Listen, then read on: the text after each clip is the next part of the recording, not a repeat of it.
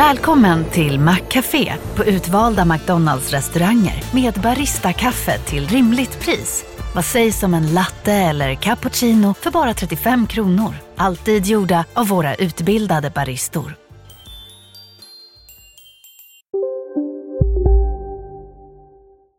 Hej och välkomna till Lisa läser. Det är jag som är Lisa och idag ska jag läsa Den nya rocken. En dag när älvpojken Alf stod i björnbärssnåret och nystade spindelväv fastnade han med rocken i en tagg. Han rev upp den från follen och ända upp till kragen. Den var lika öppen bak som fram. Jag kan förstås sy knappar, tänkte Alf. Men då tror väl alla att jag har vänt huvudet bak och fram. När han kom hem lagade han revan. Men han såg att rocken aldrig skulle bli lika fin som förut. Jag kan inte se sömmen själv, tänkte han. Men det kan alla andra. De kommer att titta på stygnen som jag har sytt och se hur ojämna de är.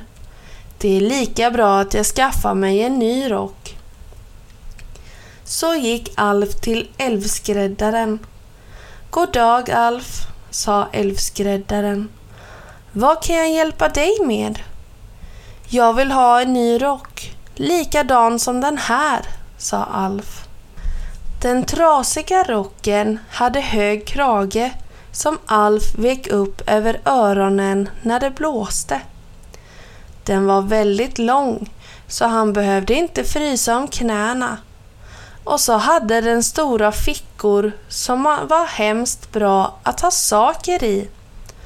Han trivdes med sin rock, så varför skulle den nya rocken se annorlunda ut?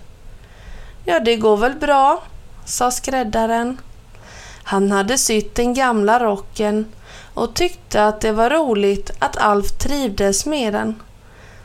Han tog mått på Alf bara för säkerhets skull. Elva pojkar brukar inte växa så mycket. Det är bara en sak jag vill ändra på, sa Alf. Han hade stått och tittat på skräddarens rock. Jaha, sa skräddaren med pennan i högsta hugg. Jag vill ha en annan grön färg. Samma som farbror skräddarens rock. Skräddaren skrev färg smaragdgrön på sitt block. När blir den klar? frågade Alf.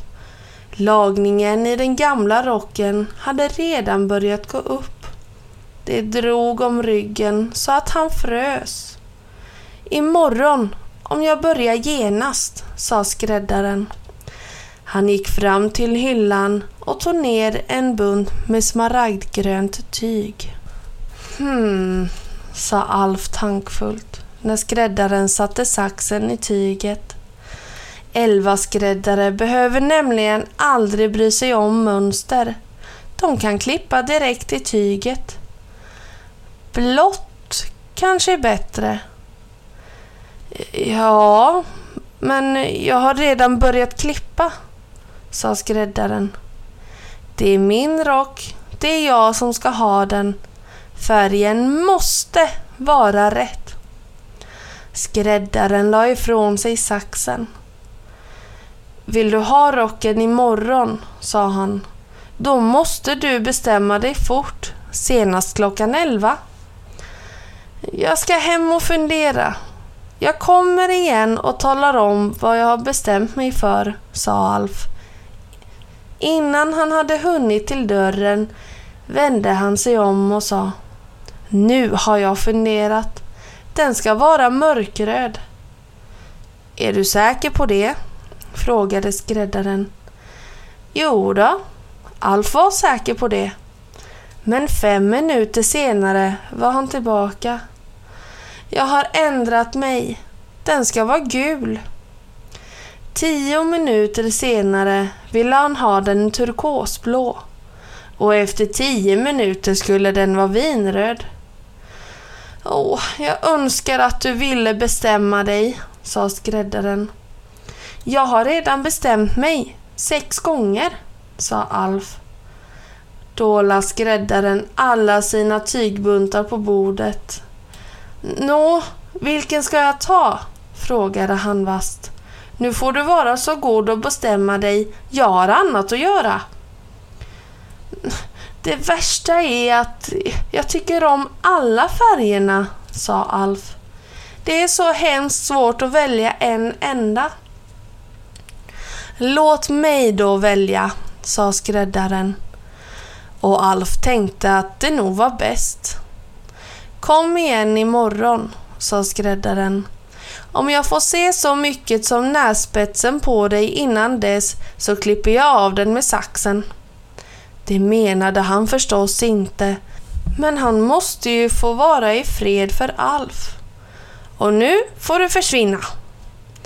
Alf fick knappt en blund i ögonen på hela natten. Han låg bara och undrade vilken färg skräddaren skulle välja. Så fort solen hade gått upp nästa morgon sprang Alf bort till skräddarens hus. Det dröjde flera timmar innan skräddaren öppnade dörren. Han visste att Alf hade kommit, men han åt frukost först och han sopade golvet och städade på hyllorna. Alf kunde gott vänta, tyckte han. När maskrosklockan var nio precis låste han upp dörren och släppte in Alf. Är den färdig? Vad blir det för färg? Får jag se? Jag hoppas det är rätt färg. Vad är det som är rätt färg? frågade skräddaren. Oh, jag vet inte. Jag önskar att jag visste, suckade Alf. Han vågade nästan inte titta när skräddaren höll upp rocken. Tänk om man inte tyckte om färgen. Men vilken överraskning! Han klappade händerna. Så glad blev han. Han hoppade upp på bordet och dansade runt. Han skrattade högt och skräddaren såg nöjd ut. Har jag valt rätt färg? frågade han och hoppade åt sidan för att inte komma i vägen för Alf som studsade upp och ner som en boll. Ja, det är rätt! utbrast Alf. Vad klok farbror skräddaren är. Skräddaren rodnade av förtjusning. Prova den, sa han. Den passade precis. Han visste att den skulle passa, för han hade ju själv tagit mått. Tack så mycket! Tack så mycket! sjöng Alf medan han dansade hemåt. Skräddaren hade sytt ihop bitar av alla sina olika tyger så att rocken var i regnbågens alla färger. Och snipp, snapp, snut så var denna lilla saga slut.